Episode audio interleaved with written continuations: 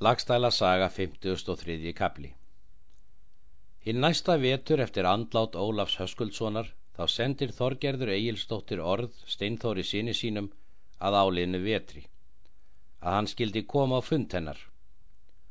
Og er þau maðgin hitta segir hún honum skil á að hún vill fara heiman og vestur til Sörbæjar að hitta auði vinkonu sína. Hún segir Haldórið að hann skal fara. Þau voru fimm saman Haldur fyldi móður sinni, fara nú til þess er þau koma fyrir bæin í Sælingsdalstungu. Þá snýri Þorgerður hestinum upp að bænum og spurði, Hvað heitir bær sjá? Haldur svarar, Þess byr þú eigi af því móðir, að eigið vitir þú áður.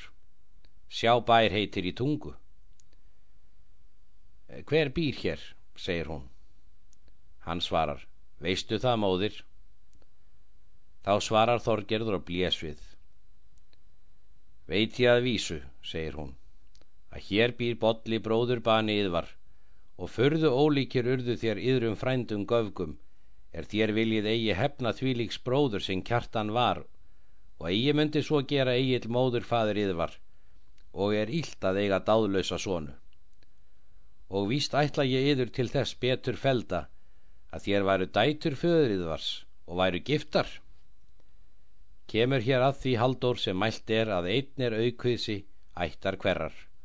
Og svo er mér auðsæst ógifta Ólafs og honum glafti svo mjög svona eignin. Hveð ég þið af því að þessu haldur segir hún að þú þykist mest fyrir yður bræðrum.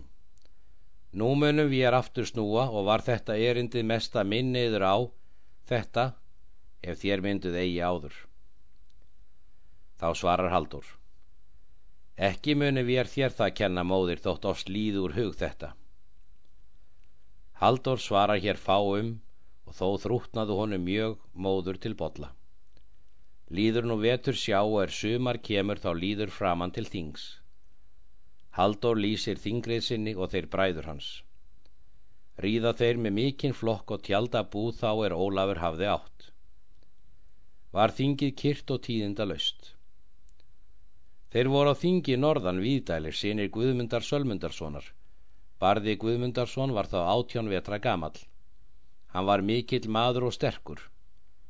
Ólaf sínir bjóða barða frænda sínum heim með sér og leggja til þess mörg orð. Hallur Guðmundarsson var þó eigi hér á landi.